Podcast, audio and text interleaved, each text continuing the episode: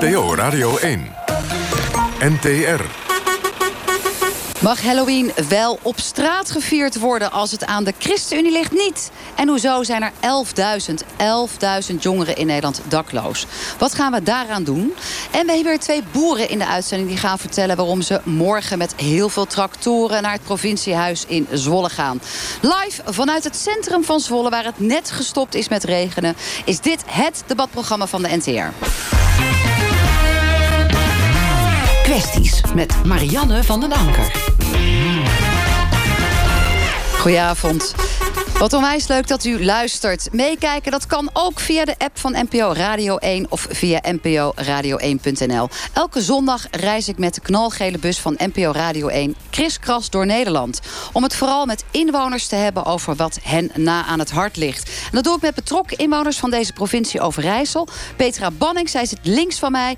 Patrick Damhuis bij het raam en Elise Dol rechts van mij. We gaan uh, als eerste kwestie bespreken dat Halloween feestje in Deventer. Het is een Amerikaans verkleed feest... waarbij iedereen zo'n beetje pardoes uit doodskisten stapt... als zombie, sexy piloot of stewardess, heks, noem maar op. Er is gedoe over in juist Deventer... waar ook de ChristenUnie in de gemeenteraad zit. Zij vragen zich af of dat zo'n feestje dat gepland staat... wel in het openbaar gevierd moet worden. Aan de telefoon Henrike Nijman-Visser, raadslid namens de ChristenUnie in Deventer. Goedenavond. Goedenavond. Nou, we vragen ons natuurlijk eerst af... bent u zelf, toen u vroeger klein was... wel eens verkleed over straat gegaan of naar school? Nou, verkleed wel, maar niet als uh, meer dood dan levend of uh, uitgedost voor zo'n griezelfeest. ik moet zeggen dat ik dat zelf ja, dat, dat ik dat echt, dat griezelen, dat, dat het ook sowieso niet in mij zit. Want daar was ik echt zelf echt heel bang voor. U ging eerder als vee door het leven of als ja, prinses. En liever wel, ja. Ik zocht een beetje de roze kant op wat dat betreft. Het is een uh, initiatief wat de ondernemers hebben genomen... waardoor er in Deventer een fantastisch feest in aantocht is. Maar u mhm. zegt nou Halloween op een openbaar plein, wat ons betreft niet. Wat zijn uw bezwaren? Ja. Nou, um, mijn belangrijkste bezwaar is dat het uh, in de openbare ruimte um, plaatsvindt. En dat je daar dus gewoon uh, loopt um, met je gezin, met je kinderen. En dat het, de ondernemers kondigen het echt aan van we gaan lekker griezelen en het wordt lekker luguber. Luguber is niet uh, leuk. afgehakte lichaamsdelen zijn niet leuk. En mensen die meer dood dan levend zijn, die zijn niet leuk. en nou, dat, dat ge, uh, dat bewust opzoeken van, van het griezelen... ja, dat vind ik niet in de openbare ruimte passen. Als je, dat wil, als je daar wat mee wilt, uh, nou, dan moet je daar als ouders uh, of als volwassenen zelf lekker voor kiezen. maar doe dat niet op een openbaar plein waar iedereen er zomaar per ongeluk in kan belanden. je steekt met een kontje met de IJssel over en je belandt op dat plein. Ehm, ja, ik vind het niet passend en het beeld dat erbij geschetst wordt... ja, ik vind het op de rand van aanstootgevend. Oké, nou, dat is nogal forse kritiek en de bezwarenreeks die bestaat, als ik gauw heb geteld... uit een stuk of zeven argumenten. Nou, hebt u niet de macht in Deventer. Toch wilt u dat de gemeenteraad dit tegenhoudt. Zijn er mensen die u steunen? Uh, nou, ik, uh, ik hoor wel wat support, uh, maar ik hoor ook veel mensen die zeggen... joh, we hebben toch de ondernemers juist gevraagd om dat plein wat levendiger te maken. laat ze dat dan ook lekker doen. Um, en dan denk ik, ja... Um, ik vind dat wij als gemeenteraad, uh, waar ik inderdaad maar één van de 37 ben... maar daarmee ook 1 37ste van de inwoners vertegenwoordig... Uh, dat ik daar best wel een stukje uh, nou, gewetensvragen tegenover mag zetten. En deze en gewetensvragen, mevrouw uh, Henrike ja. Nijman-Visser... zijn die naast wat, uh, hetgene wat u net hebt opgezomd ook nog van christelijke aard?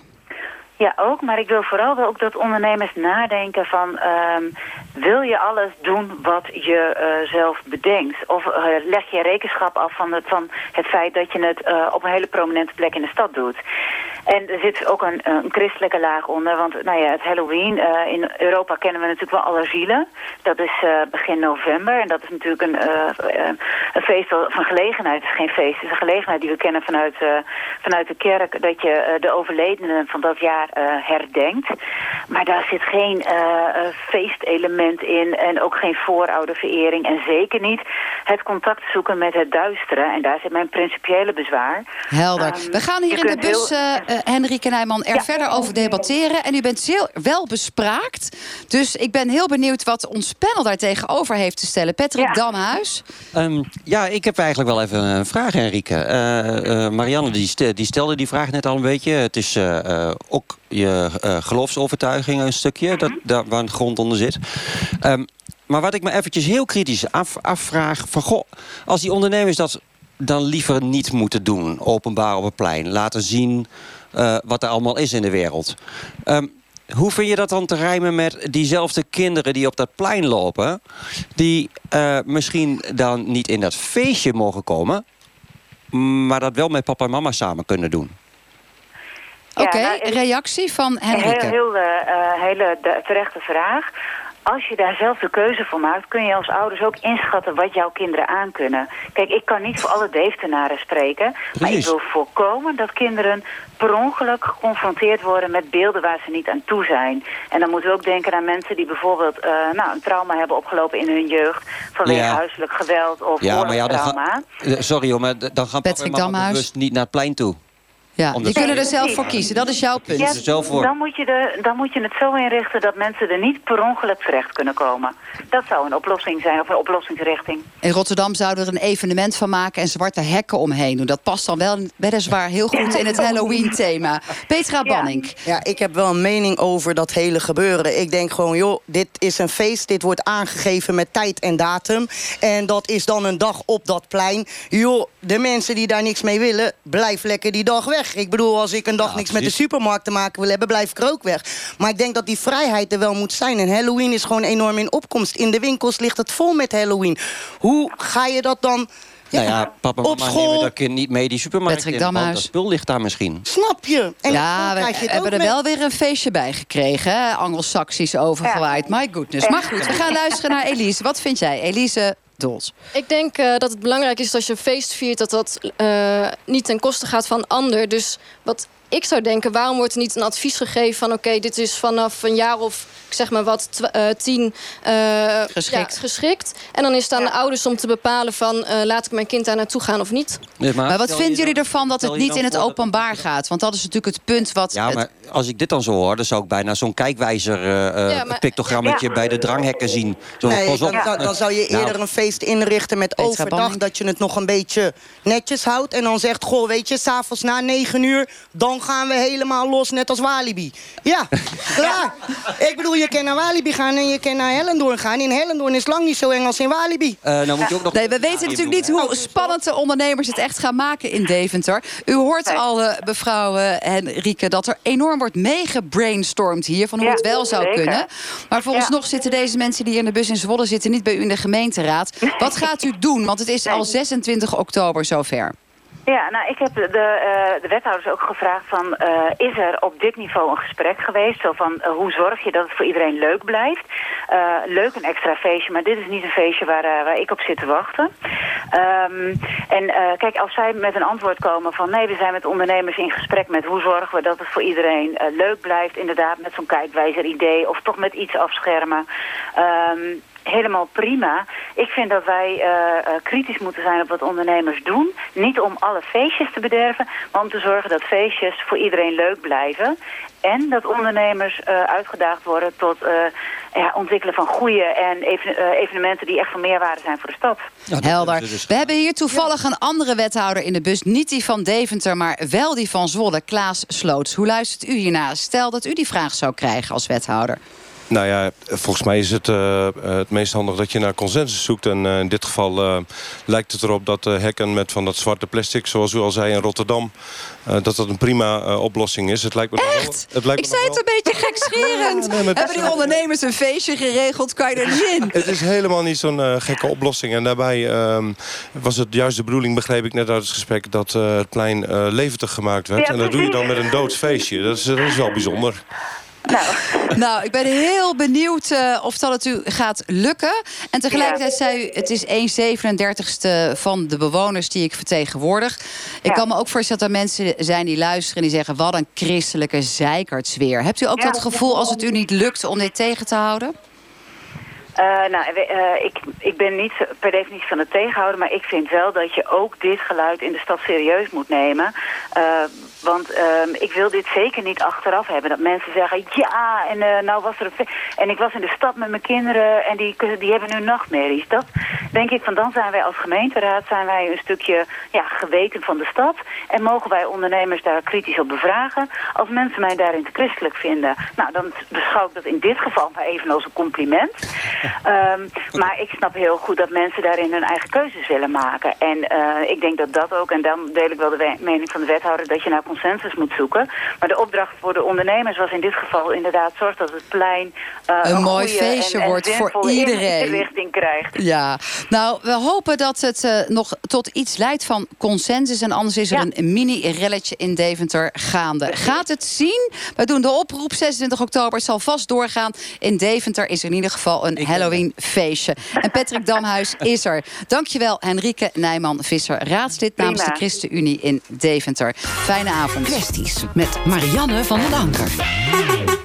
Nog maar 80 dagen, 80 dagen en dan zitten we in het jaar 2020. In deze regio Overijssel waar wij staan met de bus... is karbietschieten op Oudjaarsdag echt een ding. Grote afgesloten melkbussen vol met karbiet dus... die op Oudjaarsdag worden afgeschoten. Nou, we hebben jou al eerder gehoord, Petra Banning. Jij komt uit Kampen. Het is echt een ding daar, hè, dat karbietschieten. In Kampen is het zeker een ding. Maar ik kom niet uit Kampen. Maar het is Oh. heel mooi dat je dat zegt. Oh, Maar oh, oké, ik maakt ken niet uit. Kampen heel goed. Kampen, IJsselmuiden, de dorpjes om Zwolle heen... die houden enorm van kabiet. Dat is voor hun hun vuurwerk. En, ja, dat En dat nu- mag ook al op Oudjaarsdag. Dat mag al op Oudjaarsdag. Dat wordt ook al wel daarvoor gedaan. En ja, dat is gewoon een begrip. Dat hoort erbij. Dat komt vanuit de boeren. Dat zijn de melkbussen met de voetballen erin. En kaboom, ga met die banaan. Ja, dat is gewoon, dat is het hier. En dat wordt nu een beetje... Proberen ze in hokjes te doen. In Kampen voorzie ik dat er in Brunnepen niet zo goed geluisterd gaat worden naar de hokjes. Maar ja, er is altijd een poging tot proberen waard. Elise Dol, theatermaker. Ben jij, wat vind jij van dat karbietschieten... en of het wel of niet moet worden afgeschaft? Betutteling of juist eh, heel goed? Afschaffing op dit moment weet ik niet. Ik denk dat het een heel goed idee is om het op deze manier eh, een beetje te handhaven, zeg maar. Dat er meer zicht op is op het moment dat... Nou, ik de- ik ben benieuwd of dit eh, minder slachtoffers geeft, zeg maar, minder ongelukken. En als dat zo is, dan denk ik dat dit een prima manier is. Ja. Wie heeft er hier in deze bus wel eens karbiet geschoten? Ja, even allemaal eerlijk. Oeh! ik ga eerst even naar... Oh, dat vind ik wel leuk. Gerry Klene, een van de weinige vrouwen. Want ik associeer dat, misschien is dat helemaal verkeerd... weer toch echt iets met een jongensdingetje. Maar je hebt het gewoon zelf gedaan, Gerry. Ja, inderdaad, je moet alles wel een keer proberen natuurlijk. Maar kabitskit is eh, inderdaad eh, bij ons eigenlijk niet meer met melkbussen... maar met grote giertanks en plastic ervoor. Dus het knalt en het dreunt en eh, het hoort erbij. Ja, het hoort erbij. Wat betekent dan, denk ik ook in uw ogen... dat de politiek weer een beetje te betuttelend bezig is? Ja, wanneer je heel veel verboden gaat maken... ben ik bang dat je heel veel dingen gaat eh, uitlokken. En ik denk, wanneer, zolang het goed gaat... laat die jongens plezier hebben met z'n allen... en een feestje vieren, één dag in het jaar, hebben we het over. En hou het in de hand en reguleer het op die manier. En ze hebben goede contacten met de politie en dergelijke... dus geen enkel probleem. Je ramen even goed eh, verzekeren, dat is denk ik wat je moet. Zes van de tien mensen hier in de bus staken hun vinger op... toen ik vroeg wie heeft wel eens karbiet geschoten. Waaronder ook de wethouder. Kom maar door. Ja, nee, eh, eh, vroeger, ik kom eh, zelf uit een landbouwgebied. Dus ik ben wel bekend met het kabietschieten. En ook met het kabietschieten in Kampen en IJsselmuiden. Want ehm, rond eh, 2000 was ik daar politiechef. Oh. Dus heb juist heel De veel andere eh, kant ook contact. meegemaakt. Ja, maar dat, dat is echt heel erg goed met deze mensen te overleggen... om te kijken hoe je dit op een fatsoenlijke manier kunt reguleren met elkaar. En dan is de kunst om er samen een feestje van te maken. Ja, dat feestje dat wordt natuurlijk dan toch gevierd als je het nieuwe jaar in knalt hier in deze omgeving met karbietschieten. Ik heb zelfs begrepen tegenwoordig ook met eh karbietschieten light. Dan pak je een, een rioolpijp, afvoerbuis. En eh, daar stop je dan vanuit een gasaansteker heel veel gas in. En zet je er een aardappel bovenop. En dan heb je een light variant. Is zoiets denkbaar hier? Of moet het echt ouderwets op de stevige manier? Echt Patrick Damhuis. ouderwets. Knallen, man. Kom op, jongen. Jongens, we hebben, we hebben maar één keer op het jaar een Oudjaarsdag. Dat is de, de 31ste. Goh, als jij als ouders je kinderen duidelijk maakt van je flikt het niet om die kabietbus af te schieten in de buurt van een bejaardencentrum en dergelijke. Volgens mij is dat een verantwoordelijkheid van de ouders wat je je kinderen meegeeft. Uh, doe dat lekker op een weilandje verderop, zoals het eigenlijk grotendeels al gebeurt. Laat ze en niet naast de ramen van uh, Gerry of van iemand anders, nee, nee, want dat is ook weer niet verstandig. Nee, ah, bij Gerry kan het. Gerry is goed verzekerd. Petra Banning. ja, dekt de verzekering dat? Dat weet ik niet. Vraag het aan Gerry. Gerry, zou, zou de verzekering zoiets dekken? Lijkt mij toch een lastige kwestie. zijn volgens mij al jaren getest. Ik hoef de verzekering niet eens te vragen. Ze zitten er nog steeds in, dus het gaat gewoon goed. Nu is het wel zo dat in heel Nederland een discussie is over überhaupt een algeheel vuurwerkverbod. Akerboom, de korpschef, heeft natuurlijk ook laatst aangegeven. Het valt niet meer te handhaven. Onder andere ook omdat elke gemeente weer wat anders heeft bedacht. Ja. Um, nou, dat karbietschieten dat blijft hier denk ik zeer populair. Maar het gewone vuurwerk, hoe zitten jullie daarin, Elise? Uh, ja, lastig. Want het is ook iets wat ik vroeger heb gedaan en wat ik super leuk vond. Dus ik kan me niet voorstellen als kind zijn dat ik dat dan niet zou mogen doen, zeg maar. Uh, maar ik weet ook dat er super veel ongelukken zijn. En dat het uh, altijd weer met oud en nieuw volstroomt in de ziekenhuizen. En dat is wel echt zorgelijk, vind ik. Ja. Maar ik denk dat het levensgevaarlijk is om het hier in Nederland te gaan verbieden. Zeker als het in de buurlanden niet verboden is. Ja, en daar wij al ons illegale vuurwerk vandaan halen, wat 10.000 malen gevaarlijker is. Je zou ook gewoon vanaf de andere kant. Ja, Sloots, wethouder. Uh, door uh, te kijken van waar wil je nou per se dat uh, geen vuurwerk wordt afgeschoten. En dan denk ik bijvoorbeeld aan bejaardenhuizen, aan andere instanties waarvan je zegt van nou misschien is het handig om het daar nou niet met, af te spreken om het daar nou niet met elkaar te Maar zijn die bejaarden zelf wel eens gevraagd dan? Want als je, als je eens kijkt hoeveel mensen er allemaal voor, voor de ramen staan. staan te kijken en te genieten van het vuurwerk, wat die kleine knullen tussen aanhalingstekens, allemaal staan af te vuren. En de mensen die het niet trekken, die gaan vaak de stad uit met hun hondjes. Maar als ik denk die dat er ook meer overlast is van knalvuurwerk als van siervuurwerk. Ja, precies. Ik denk dat het echt heeft te maken met het knalvuurwerk. En dat bij de oudjes, oké, dat begrijp ik dat je dat niet zou willen hebben. Maar weet je, zit er al 40 jaar zit het er al bij mij in. Stel, Petra, dat hier even terug naar het karbietschieten er uh, gehandhaafd zou worden en een boete zou komen. Zou mensen dat weer houden van het karbietschieten? Mij zou het in ieder geval niet weerhouden. Ik zou iedereen zelfs adviseren, gewoon die boete niet betalen. Laat maar voorkomen. En anders gewoon het hele jaar doorsparen, jongens. Einde van het jaar betalen we onze boete. Ja, precies. Gewoon, uh, je, je, je, spaart inderdaad die 200 euro voor het kabit. Nou, maak er 300 van voor de boete. Klaar. Snap je. en het is wel goedkoop, hè? Je hoeft dus, het karbietschieten is qua ingrediënten niet al te duur. Nee, dat is hartstikke goedkoop. Maar ja, die boete, daar trekt de Nederlandse staat natuurlijk weer genoeg van. Dus dat moet je dan wel erbij sparen. Ja. Nou, ik weet niet welke reacties we gaan krijgen. Of dat dit de mentaliteit vertegenwoordigt van heel Zwolle en Deventer en omgeving. Maar we zullen het merken als we straks onze social media openen. doet. Gebruik je hersens. Gebruik gewoon je hersens. Niet in de buurt van, van, van, van oude mensen. Niet in de buurt van, eh, van, van gebouwen die kapot kunnen. Nou, normaal doen klaar en, en goed die grenscontroles erin gooien. Voor het zware vuurwerk, voor het zware knalvuurwerk. Daar goede grenscontroles in gooien. En al vanaf september, niet pas in december. Nee, in nee, september, nee, augustus komt het naar binnen. Niet doen. Punt. Oh, Laatste advies van jou aan de politie, Petra Banning. Dat ze het maar snel mogen oppakken, want het is inmiddels al oktober. Een hele andere kwestie. Ondertussen willen ondernemers een database... met alle namen van personeel dat iets heeft gestolen in de winkel. Op die manier kunnen winkeliers die mensen nodig hebben zien of iemand op zo'n zwarte lijst staat. Nou, dat is weer een heel erg vrolijke noviteit in dit land. Kijk even rond. Uh, goed idee, Patrick Damhuis? Ja. Ja, ik ben zelf ondernemer geweest. Uh, dus uh, je zit altijd te kijken van... Goh, wie neem je aan, wie neem je niet aan. dus ja, die lijst is goed. Maar er zit één kanttekening bij. Kom maar door. Er zijn ook ondernemers die het soms heel leuk vinden... om een personeelslid achteraf nog eventjes een hak te zetten. Als je dat doet als ondernemer, dan ben je gewoon zo verschrikkelijk fout bezig. Dan moet een mega boete erop staan. Oké, maar we gaan er wel van uit dat als er wordt gestolen... dat er aangifte wordt gedaan. Want je kan niet zomaar lukraak in die database komen. Dat is wel het principe. Hoe kan je dan achteraf iemand nog in zo'n database zetten? Um, nou, um, die database die zal daar wel voor gesloten zijn, neem ik aan. Dat mag ik toch hopen, in ieder geval. Er moet een aangifte zijn, wil je, wil je daar een werknemer uh, in kunnen plaatsen. Um, maar zoals het nu gebeurt in de ondernemersverenigingen wordt natuurlijk ontzettend veel gekletst met elkaar. hey, Truus of Jantje, die moet je niet hebben, want... En dat... Dan helpt zo'n database wellicht ook om allerlei rumors de wereld uit te Precies. Precies. En uiteindelijk ook zeg jij om ondernemers te beschermen dat ze niet de verkeerde in dienst nemen. Ja. Elise Dol, theatermaakster. Ja, ik- Zware onderwerpen, hè, allemaal voor een theatermaakster, zo'n database. Wat vind jij? Eh, ik vind het niet zo'n goed idee eigenlijk. Eh, omdat het mij niet zo handig lijkt als ondernemers eigen rechten gaan spelen. Eh, het lijkt me veel verstandig om dat aan de politie over te laten. Want dan krijg je dus twee dingen. Op het moment dat iemand eh, eenmalig zo'n actie heeft gepleegd... kan die heel moeilijk daarna weer aan het werk komen. Ja. Wat ik heb gezien, op het moment dat dat gebeurt... eh, dwalen jongeren, als het gaat om jongeren, nog meer af. Eh, dus dat lijkt me een heel slecht idee. Maar als jongeren zijn een Banning. strafbaar feit plegen... hebben ze ook een strafblad. En daar komen ze ook niet vanaf.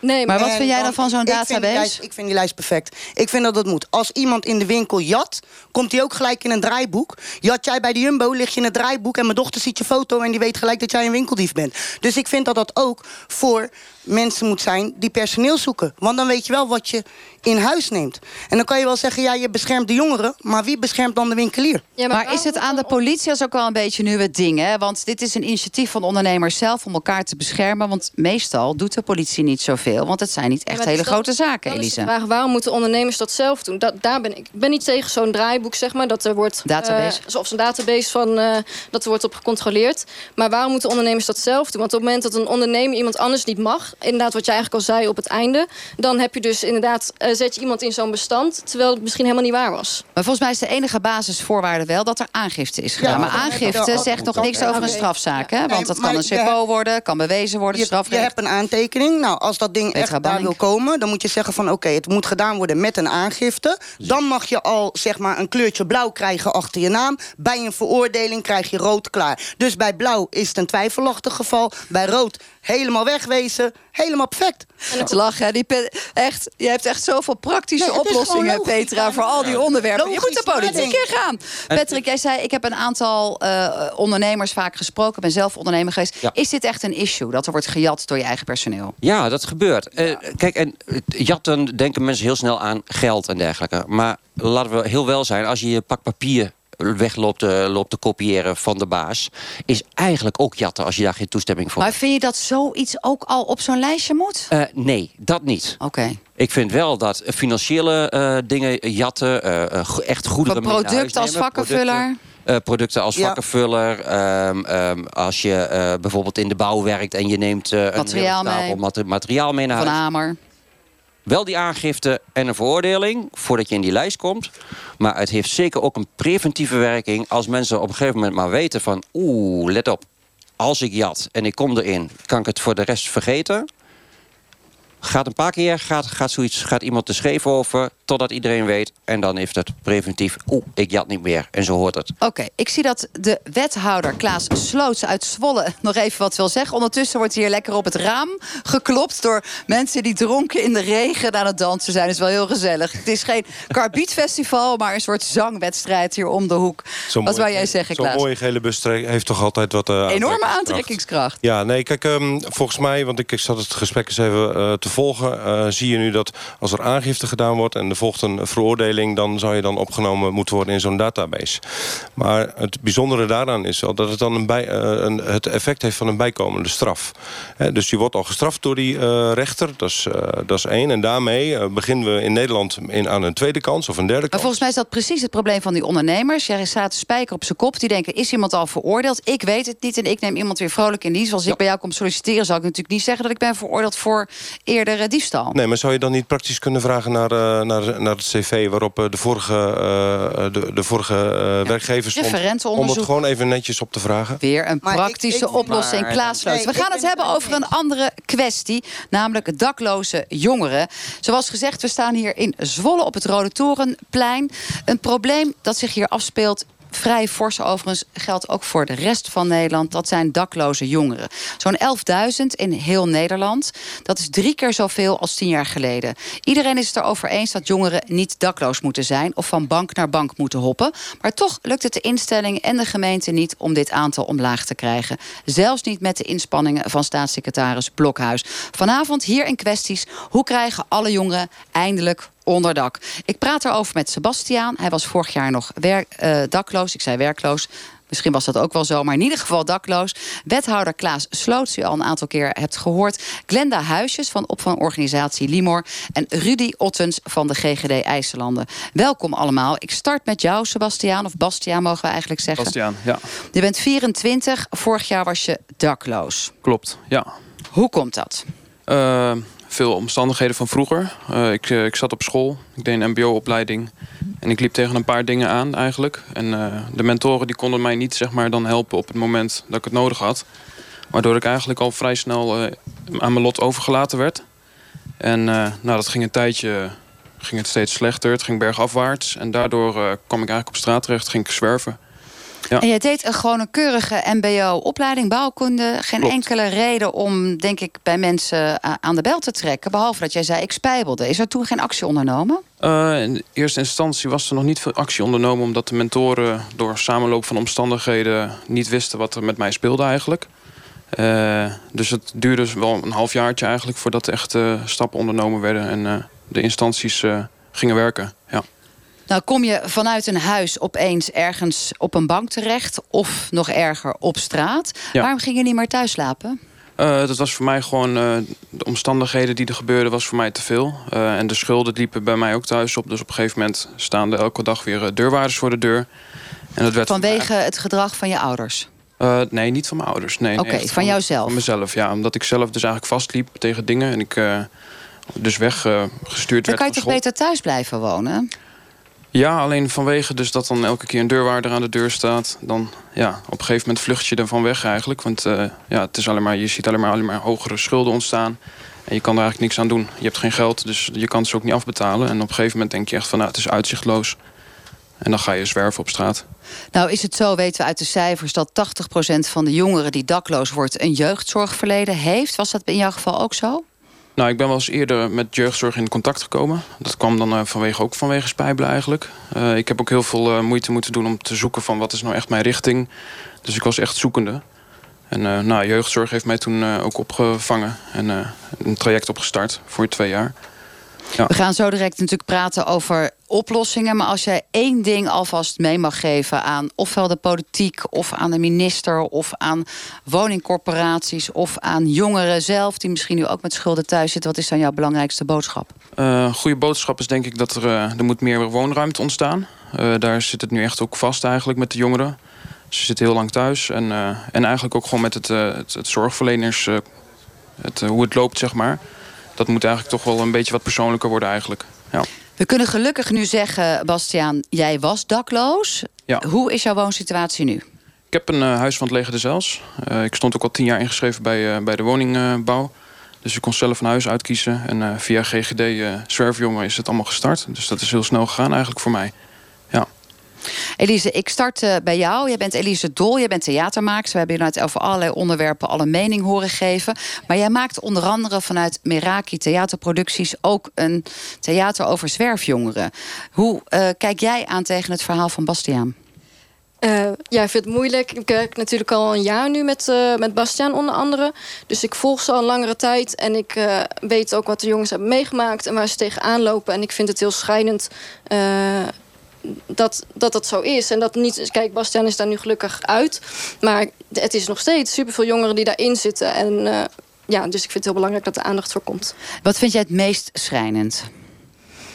Het meest schrijnend. Uh, toch de, de, dagelijkse dingen waar je tegenaan loopt. Ik vind het heel schrijnend dat uh, Bastiaan heeft echt honger gekend. Dat, dat het in Nederland iemand honger kent en wat dat is. Nou, je kan het misschien zelf vertellen. Is dat zo? Hoorde dat ook bij jouw dakloosheid? Ja, nou, vooral als je dan geen geld hebt en je loopt over straat... dan is het soms echt lastig. Ik ga de mensen ook niet zo, zomaar lastig vallen om, uh, om wat eten of geld of zo. Dat voel ik me echt bezwaard voor. Dus dan, uh, ja, dan loop je eigenlijk gewoon met een hongergevoel door op, uh, op straat. Ja.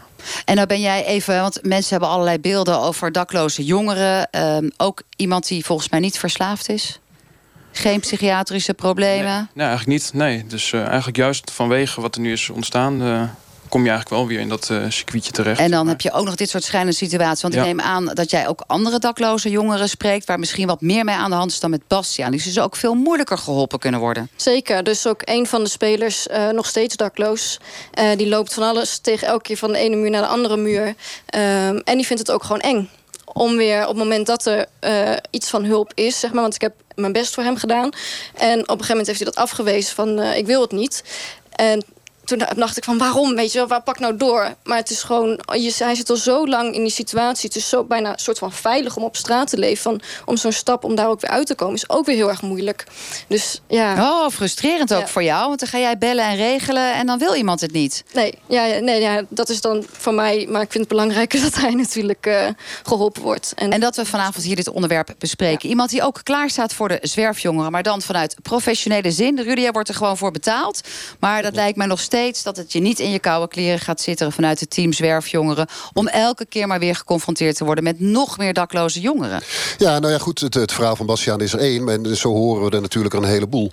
En eh, de een nog schrijnender dan, eh, dan de ander. Ik moet er ook bij zeggen, van, ehm, als we hier kijken in Zwolle... we zien eh, jongeren op straat zien we niet zo heel veel. Het zijn met name de bankhoppers. Ja. Dus, Dus, je die- komt ze eigenlijk ook niet tegen vanuit de GGD. Je moet echt je best doen om verhalen te horen van daar zitten ze haarvaten van de samenleving ja, kennen. Ja, ja, ja, nou ja, goed. En, en, en we krijgen veel meldingen hè, van, eh, van, van de wijkteams of van, eh, van ouders of van jongeren zelf die, eh, die contact zoeken.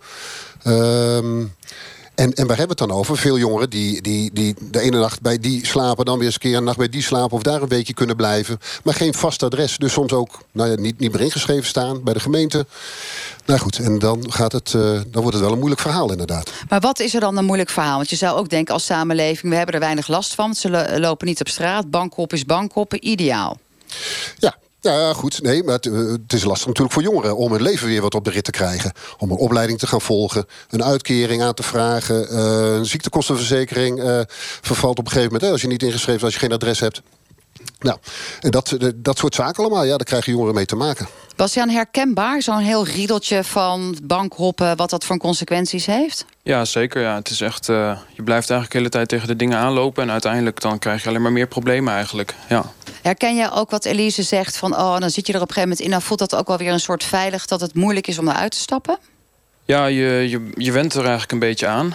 Eh, en alles eh, wat je moet gaan regelen of wat, wat je voorthelpt... Dat, dat is echt wel soms echt een, eh, een stapje lastig, zeg maar. Ja. En was je op een gegeven moment ook bang voor instanties? Of dacht je, oh god, ik heb ik weer Pietje, morgen heb ik weer Marietje. Ik heb ook Ja. nog geen zin om weer Ja. mijn verhaal te vertellen. ja, het is wel, soms heb je wel het idee van... de- je blijft de hele tijd hetzelfde verhaal herhalen...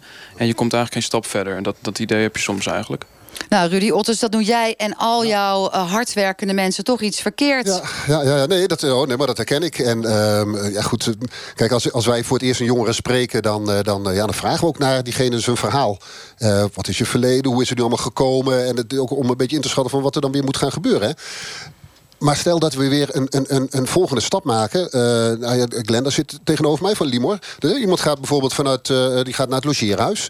Zal daar weer zijn verhaal gaan doen. En zo zit je bij meerdere instanties. Dat klopt wel, ja. ja. Wat is jullie protocol? Want jij zit dan bij team Zwerfjongeren. En net al, ze komen soms binnen via het sociale wijkteam. Soms horen we het op een andere manier. En dan komen ze bij jou, team Zwerfjongeren. Dan denk je, nou, dan ben ik geholpen. Ik ben in handen van Rudy. Nou gaat het, Ja. morgen heb ik een dak boven mijn hoofd. Over, overmorgen een uitkering. En de dag daarna worden mijn schulden Ja, aangepakt. ja, ja, ja. Nou goed, dat is ook een van de eerste dingen die ik zeg. Van, eh, eh, verwacht niet dat ik een, een, een, een, huisvesting voor je, voor je heb gelijk. Dat hebben we hier niet. Maar we gaan wel samen met je kijken van wat we, wat we kunnen doen. Ik probeer ook uit te leggen hè, van hoe het werkt. Van de, de manieren hoe je aan, aan huisvesting kan komen. Eh, hoe we dat geregeld hebben hier in Zwolle. En, Ja, maar dan krijg jij een soort. geef jij een leuke lezing. Maar ondertussen aan het eind van de rit staat er onder de streep gewoon geen dak. Maar goed, dan is het wel het is een beetje om, om helder te maken van nou ja, hoe, eh, hoe, hoe werkt het allemaal. En dan pikken we er iets uit. Van daar gaan we ons op richten. Ik benader jou een beetje kritisch, hè, terwijl ik weet dat jij echt degene bent die Bastiaan ook geholpen heeft. Dat klopt toch, Rudy? Ja. ja, ja. Wat was het belangrijkste wat Rudy voor jou gedaan heeft? Ehm, nou, voor mij is het eigenlijk best snel gelopen. En dat is eigenlijk vergeleken met andere verhalen helemaal niet het geval. Dus voor mij ben ik eigenlijk best wel eh, positief eh, geholpen. Binnen een half jaar, denk ik een jaar, heb ik eigenlijk een eigen huis gekregen. Ja, dus dat is eigenlijk heel snel gelopen. En nu begeleid wonen. En is er dan ook alweer een perspectief wanneer je ook daar weer weg kan en echt helemaal op jezelf, zelfstandig? Eh, nou, het is een contract van een jaar, zeg maar. En dan kijken ze daarna of het dan nog verstandig is om het door te zetten... of dat ik al zelfstandig kan zijn. Maar dan begint het nieuwe probleem. Want dan moet jij dus op de gewone reguliere sociale woningmarkt... een plekje zien te vinden. En die huizen zijn er niet. En daar gaan we het over hebben. Want een dak boven je hoofd schijnt het aller, aller, allerbelangrijkste te zijn... als je dakloze jongeren bent. Nou, dat spreekt voor zich. Glenda Huisjes, regiomanager van opvangorganisatie Limor. Wat zie jij als hoofdoplossing voor al deze problemen... die net zijn geschetst door Bastiaan, onderstreept door Elise... en door Rudy nog verder verfijnd? Betaalbare huisvesting voor niet-studerende jongeren. Dat is echt een groot probleem, landelijk, maar ook hier in uh, Zwolle. En daar begint het toch mee bij een huis. Zie jij nog andere oorzaken waarom jongeren dakloos worden dan wat we tot nu toe hebben gehoord? Dat zijn dan toch een, niet zo'n plezierige thuissituatie, schulden die opbouwen, spijbelen, jeugdzorgverleden. Is dat zo'n beetje het complete beeld of zie je nog andere dingen? Dat is wel uh, de hoofdoorzaak, inderdaad. Ja.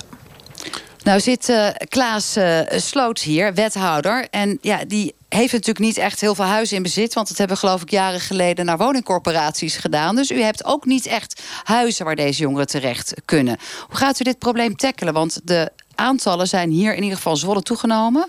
Dit is een centrum gemeten van 99 naar 123. En in Nederland 11.000 jongeren die gewoon nergens kunnen slapen. Behalve van bankje naar bankje op de straat. Ja, nee, het is, uh, het is uh, schrijnend en triest. En dat vecht natuurlijk ook de aandacht van de lokale politiek. Ehm, bij de begrotingsbehandeling van, uh, van uh, uh, over een maand komt, komt het college ook met een aanpak wonen en zorg. Waarin wij erkennen dat met name ook wat mevrouw Huisjes zegt, dat er ook iets moet gebeuren aan betaalbare woningen voor, ja, in dit geval hebben we het nu over zwerfjongeren, maar dat, datzelfde geldt natuurlijk ook voor ouderen. Dus wij hebben een concept ontwikkeld wonen en zorg, waarin we juist proberen om ervoor te zorgen dat, dat, dat mensen ook gewoon weer op een goede plek terechtkomen. Ik vind nog wel een van de oorzaken die we eigenlijk nog niet echt bij de kop hebben gehad... is uh, de 18 plus, 18 min. Hè. Dus op het moment dat je vanuit de jeugdzorg uh, 18 plus wordt... Hè, dan, dan uh, kun, ga, je, ga, je, zelf over een aantal ja. dingen. wat je dan veelal ziet is dat als jongeren jarenlang zijn begeleid... dat ze dan vervolgens op zichzelf komen... en dan andere keuzes maken en even, even zat zijn van het bemoeien. Nou, ik vind wel dat we echt moeten kijken ook naar maatwerkaanpak. Petra, jij zit, ik kan niet zo goed peilen of jij nu weer een praktische oplossing hebt. Dat jij echt met heel veel tegenzin zit te luisteren naar dit gewauwel. Ik zit dat te jij... luisteren en ik denk, hé, luister, dit slaat echt nergens. 18 en 18 plus? Ik ben die grensgeval. Ik ben vanaf mijn vierde in onder Nederland gevallen. En ik zal je wel vertellen, ik heb een hele vervelende voogd gehad. Ik heb er een rechtszaak tegen aangespannen. Ik was 16,5. Ik heb hem gewonnen. Ik was 17,5, bijna 18. Weet je wat jeugdzorg zei? Je rijdt duizend gulden in de maand, wacht maar tot je 18 en daarna kun je naar de sociale dienst. Ik werd niet voorgelicht over hoe het werkte met leningen. Ik werd niet voorgelicht over wat ik moest betalen, hoe ik het moest betalen en hoe ik het moest doen. Ik kon gewoon fijne kamer gaan zoeken. Geen kamertraining, geen niks. Eindstand, toen ik zijn leeftijd had, had ik al een dochter. Vlak daarvoor ik had geen huis. Ik heb schulden. Ik kon mijn schulden niet meer betalen. Ben je ook da echt dakloos geweest? Ja, in principe wel. Ik ben naar de gemeente gegaan. Gemeente kon mij niet helpen, want je ouders zijn financieel verantwoordelijk tot je 23ste. Daar gaat het mis. Geen contact met de ouders. Ik ben toen van, nou, ze noemen dat bank naar bank. Op een gegeven moment ben ik zelfs uh, illegaal mijn geld gaan maken. En ik heb gewoon een bungalow gehuurd, want ik was het zat. Want niemand wou helpen. En ik ben weer terug Nederland ingegaan voor mijn kind. Ik was zwanger. En toen had ik zoiets van, weet je, welk probleem het ook is, ik moet het oplossen... want ik ben nu verantwoordelijk voor iemand anders. Maar je herkent dus wel heel erg dat beeld van 18 min 18 plus... en het feit dat heel er erg. En hulp ook, en niet ik zie het adequaat nu komt nog steeds als het bij de is. zie ik dat er geen juiste begeleiding is in financiën. Het is mooi dat je naar school gaat... maar als je zo'n groot college hier hebt als het Deltion... waarom is er dan niet één lokaal... waarin je gewoon de hele tijd binnen kan lopen voor je financiën? Want dat is een groot issue. Misschien mag ik daar Dit is misschien een tip ook. Ik weet niet hoe jij deze vraag interpreteert, uh, Klaas. Maar Nou, zo'n binnenloophuis... Maar er zitten een paar opmerkingen in die, uh, die volgens mij ook wel bij de kern komen. Uh, heel erg blij zijn wij met onze sociale raadslieden... die meerdere keren per week op het Deltion zijn... om jongeren te helpen met hun, met hun geldproblemen. Wij noemen dat sociale raadslieden. Ehm, nou, dat, dat is ook bijvoorbeeld een... dat werkt zo goed. Daar, daarvan hebben we ook... Dat er nu van de geld- 99 inmiddels 102, 23 zwerfjongeren Nou ja, kijk, zijn. nee, dat, dat is, dat is, eh, eh, eh, in Zwolle zijn het er 74 eh, volgens mij. En in de regio 123. Maar het zijn er 123 te veel. Hè. Dus daar zijn we. Ja, en het is toegenomen. Dus ik denk dan ook altijd, als mensen vertellen van ja, dit loopt zo lekker en dat loopt zo goed, denk ik, ja, maar ondertussen is het probleem groter geworden. En dan komen we toch weer terug op die huizen, Ja. waarvan Glenda zei, vooral voor niet-studerende jongeren. Kun je dat nog even specificeren, hoe dat dan in elkaar steekt? Ja, als je studeert eh, kun je gewoon gebruik maken van studentenhuisvesting. En eh, eh, op kamers wonen. Als huisbazen horen dat je in de hulpverlening zit of in de nachtopvang zit. Dan zijn ze niet erg genegen om je een kamer te verhuren. En, en waarom dan niet? Omdat ze denken dat dat eh, problemen geeft. eh, of verwachten dat dat problemen geeft. En ehm, dus het is Maar heel... is dat, ik, ik kan me wel voorstellen, want ik ben zelf wethouder geweest, moest voor de vrouw van de Keilerweg opvang regelen. Nou, er zat geen buurt op te wachten, want die dachten allemaal, we krijgen er een huur bij, een, een hoer bij. En die gaan in dat huis natuurlijk lopen te prostitueren en ze zijn verslaafd. Dus het is ook heel lastig om dat soort doelgroepen te huisvesten. Maar het is ook gelijk een stereotype wat je aanslaat. Peter, ja, terecht. Maar ik vraag of dat herkenbaar is. Of dat dat ook een van de problematische dingen is. Of zijn er gewoon geen huizen? Voor niet-studerende jongeren is het heel moeilijk om aan huis te komen in Zwolle. Ja. En dat is dan misschien iets waarvan we dan met elkaar vaststellen dat zo'n dak belangrijk is. Want jij zei ook al, Petra, ik ben zelfs toen maar een bungalow gaan huren ergens eh, ver weg. het nog, hè? Zo'n huis. Het is dringend geblazen. Want het is natuurlijk niet alleen voor zwerfjongeren dat je huizen moet regelen, Klaas. Er zijn mensen die slachtoffer zijn van huiselijk geweld. eh, slachtoffers van eerwraak.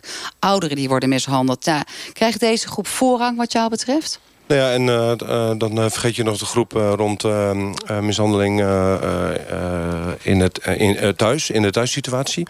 Eh, dus al die groepen die vragen allemaal om eh, zorg en wonen, dat concept.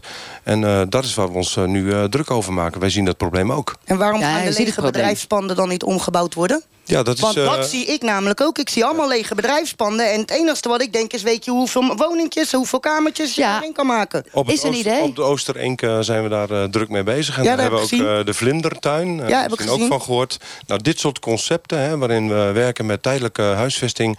da- die kant moeten we op en dan moeten we veel meer doen dan dat we nu doen. Dat klinkt bemoedigend. Wat we ook veel horen is dat kinderen... ik weet niet of dat Bastiaan in jouw geval zo is... misschien Elise, kun jij aangeven dat voor andere jongeren, kent, eh, eh, voor andere jongeren geldt die jij kent... dat er soms ook een kostendelersnorm is. Dat betekent dat je thuis zou kunnen blijven wonen... maar als je ouders een uitkering hebben... en je biedt je kind weer onderdak... omdat het beter gaat met begeleiding...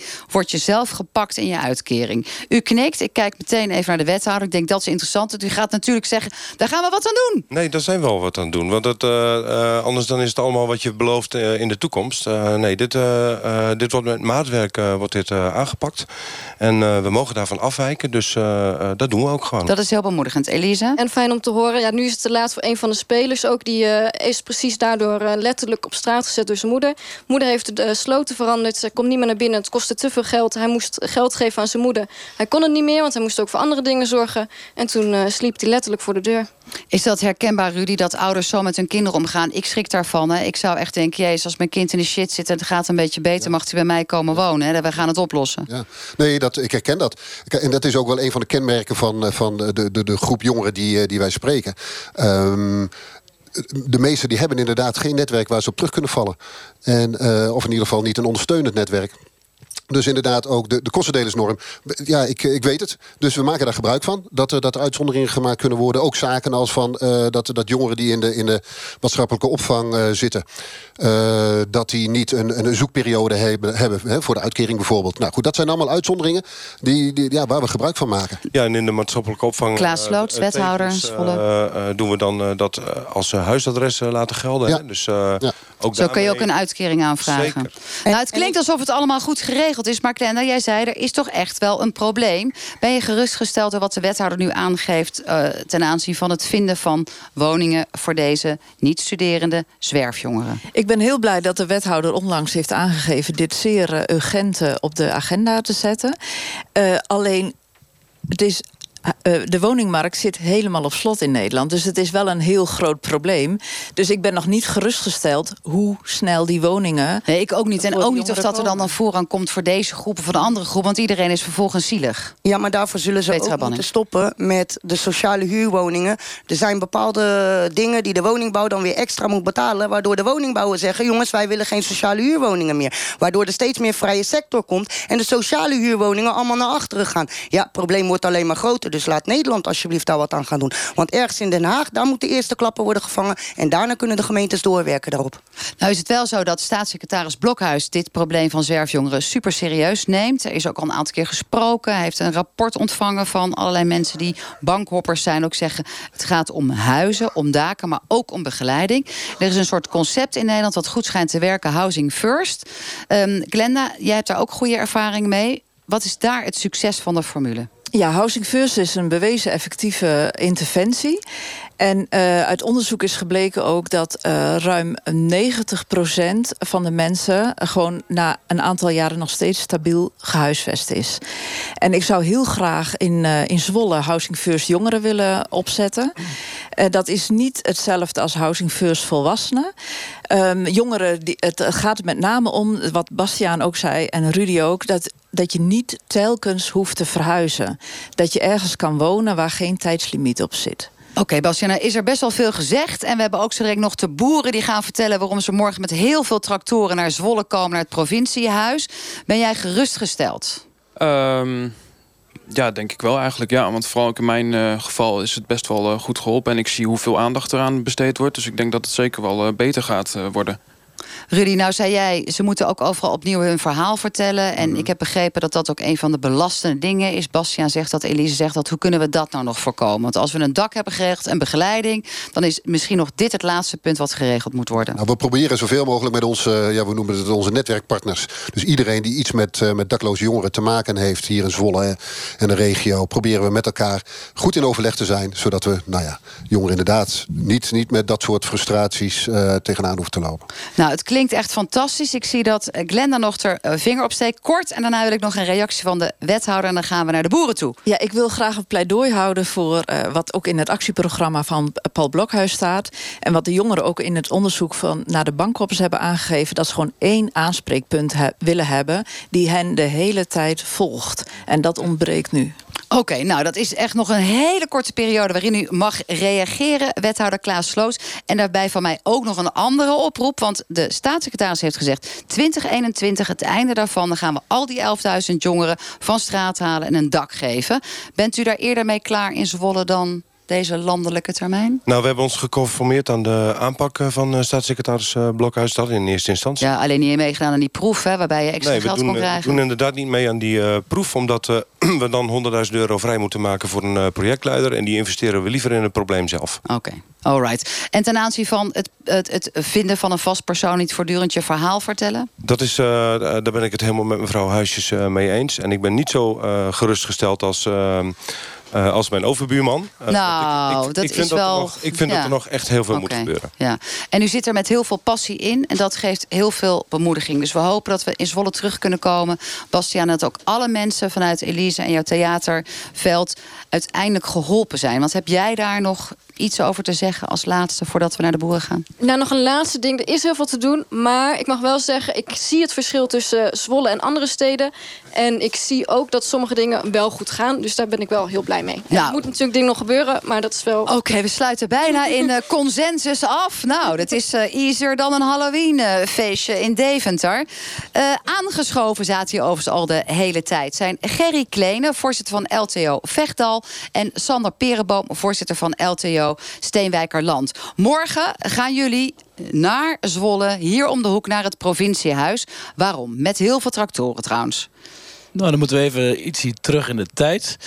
Uh, 1 oktober heeft iedereen denk ik wel gezien... stonden er een aantal boeren op het Malieveld. Jullie ook? Waren jullie erbij? Wij waren daar ook bij, ja.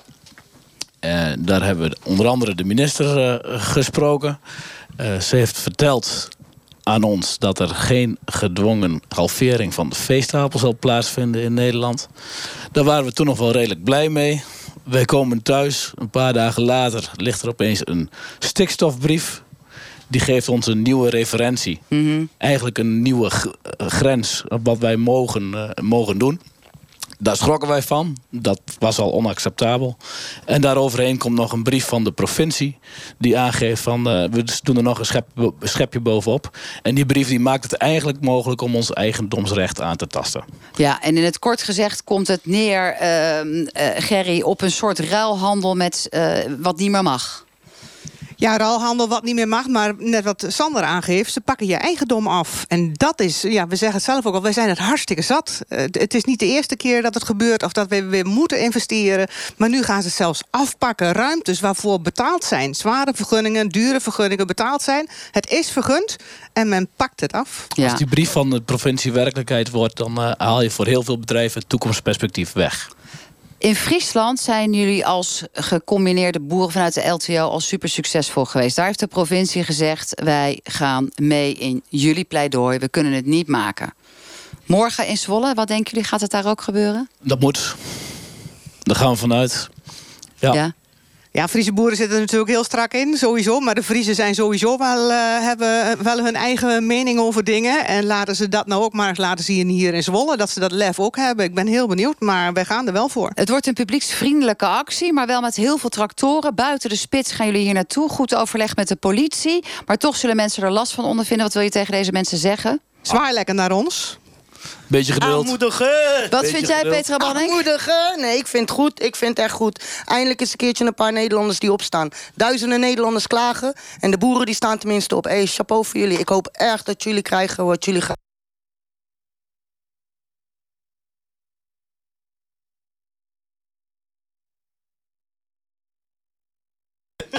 Klaas, eh, als wethouder ben jij natuurlijk bij deze uitzending op alle onderwerpen ingesprongen om jouw mening te geven. Dit is natuurlijk vanuit GroenLinks, denk ik, ook een, een politiek punt ten aanzien van die boeren. Ga je ze steunen of niet? Nou, ik vind uh, allereerst uh, hartstikke goed dat ze opkomen voor hun uh, belangen. Want, en ik ben ook blij dat dat, dat grondrecht, dat hebben we hier, dat hebben we hier in Nederland. Dus wat dat betreft alle steun. als het gaat om de stikstof, ja, dan, dan het probleem daarmee is, vind ik... dat je eigenlijk een soort hunebed in een vijver aan het gooien bent. Er, er, is, er zijn geen goede oplossingen nu. er zijn geen afspraken gemaakt met boeren over Maar wat vind je van het punt wat dingen. zij maken? Ze hebben dure vergunningen betaald en daarvan wordt nu gezegd... ja, weet je, als je die gebruikt, dan halen we het bij je weg. Het is hun eigendom. Vind je dat ze Wat- gelijk hebben? Wat ik vind, uh, is dat zij uh, mogen opkomen voor hun uh, belangen. En Vind je dat ze gelijk hebben?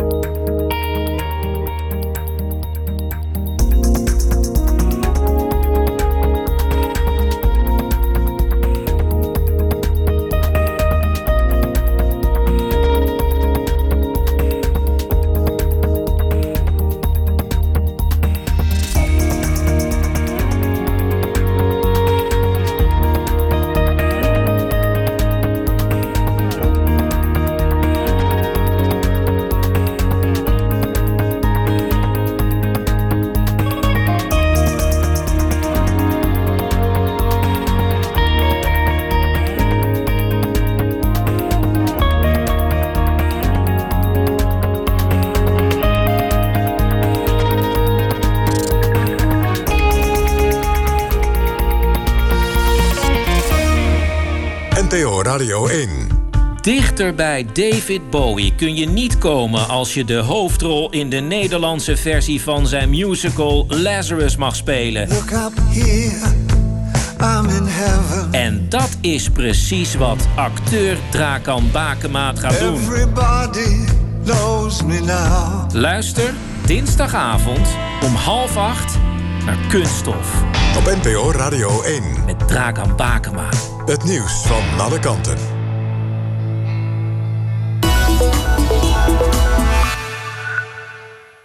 De smaak is net zo grandioos als het design. Maak kennis met de Zwitserse kwaliteit van Jura. De ultieme koffiemachines voor op kantoor en thuis. Vers gemalen koffiespecialiteiten met één druk op de knop. Ga voor meer informatie naar jura.nl. Jura, if you love coffee. Alles klinkt mooier in het Concertgebouw. Ook het Chineke Orchestra met Kevin John Edusei op 14 november. Celebrating Diversity in Classical Music met Brahms Tweede Symfonie. Bestel op Concertgebouw.nl. Ontdek de jonge Rembrandt in Leiden. Hier leerde hij tekenen, schilderen en kijken. Leiden, stad waar Rembrandt het licht zag. Ga naar leiden.nl slash jonge Rembrandt voor meer informatie. Espresso-machine houdt van zacht. Je vaatwasser houdt van zacht. Je douche houdt van zacht. Zacht houdt van Aquacel. Ga naar aquacel.nl voor 100% zacht water, 100% kookvrij. Aquacel, de kracht van zacht. Laat je schetsen door de jonge Rembrandt zelf. Bezoek de Latijnse school in Leiden, waar Rembrandt het licht zag. Lees meer op leiden.nl slash jonge Rembrandt. Ga naar aquacel.nl voor 100% zacht water, 100% kookvrij. In jouw winkelmandje kan zomaar iets zitten waar Aldi, Lidl en Plus liever niet over praten. Uitbuiting. Neem de theeplugster uit India of arbeider op een Braziliaanse mangoplantage. Deze mensen werken veelal onder mensonterende omstandigheden en hebben vaak zelf niet genoeg te eten. Kom in actie voor de mensen achter de streepjescode bij Aldi, Lidl en Plus. Eis eerlijke boodschappen op oxfamnovip.nl. Heb je boeken nodig voor je werk of voor een opleiding? Bestel ze bij managementboek.nl. De specialist voor managers en professionals. Makkelijk en snel. Managementboek.nl NPO Radio 1.